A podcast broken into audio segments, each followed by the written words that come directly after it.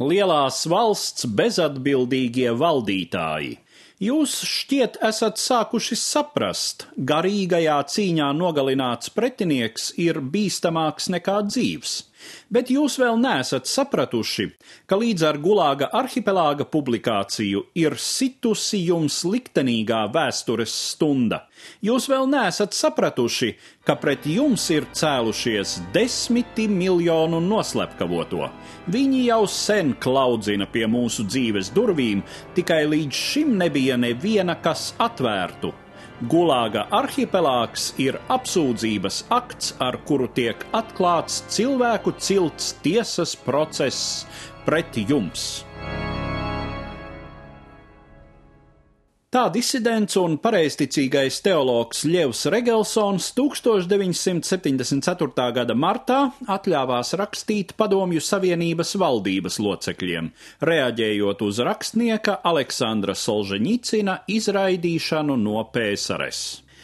Ļevs Regelsons nepārspīlēja sakot, ka tieši Aleksandrs Solženīcins pavēra durvis šausminošajai patiesībai par staļiniskajām represijām, kuras līdz tam slēpa padomju režīma uzturētā noklusēšanas siena.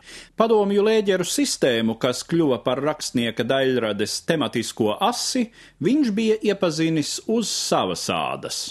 1945. gadā ar ordeņiem apbalvotais artilērijas kapteinis Solženīcins tika notiesāts uz astoņiem gadiem ieslodzījumā par slepenas informācijas izpaušanu un kontrrevolucionāru darbību, lai gan faktiski viņa vaina bija tikai neglaimojoši izteikumi par padomju diktatoru Staļinu kara cenzūras pārtvertās privātās vēstulēs.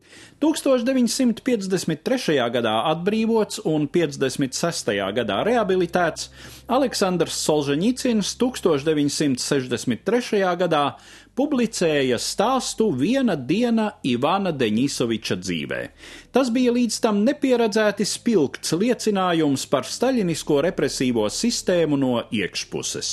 Pēc publikācijas autors sāka saņemt milzumu lasītāju vēstuļu ar lēģeru pieredzes izklāstiem.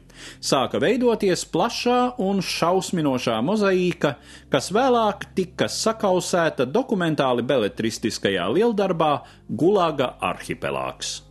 Publicēt arhipelāgu kādā padomju izdevniecībā nebija cerību. Arvien vairāk tika ierobežotas Solženīcina iespējas izdot arī daudz nekaitīgākus sacerējumus, bet 1965. gadā Valsts drošības komiteja konfiscēja daļu no rakstnieka arhīva. Staļina laiku grandiozā represīvā mašinērija bija demontēta, tomēr totalitārisms pastāvēja joprojām, un darbi, kas vēstīja par represijām, grāva pārāk daudz oficiāli uzturētu mītu un lika apšaubīt pašu padomju sistēmas leģitimitāti. Bet Solženicins nebija gatavs atteikties un pat ne īpaši slēpties. Tā vietā viņš spēra vienu izaicinošu soli pēc otra. Viņa darbi sāka cirkulēt nelegālos izdevumos, tās augtajā samizdatā, tad parādījās publikācijas rietumos. Lūzuma punkts bija Solženicina vēstule Padomju rakstnieku savienības kongresam, kurā viņš precīzi raksturoja visiem zināmo, bet skaļi nepiesaukto kompartijas ideoloģisko un politisko kontroli pār rakstniecību.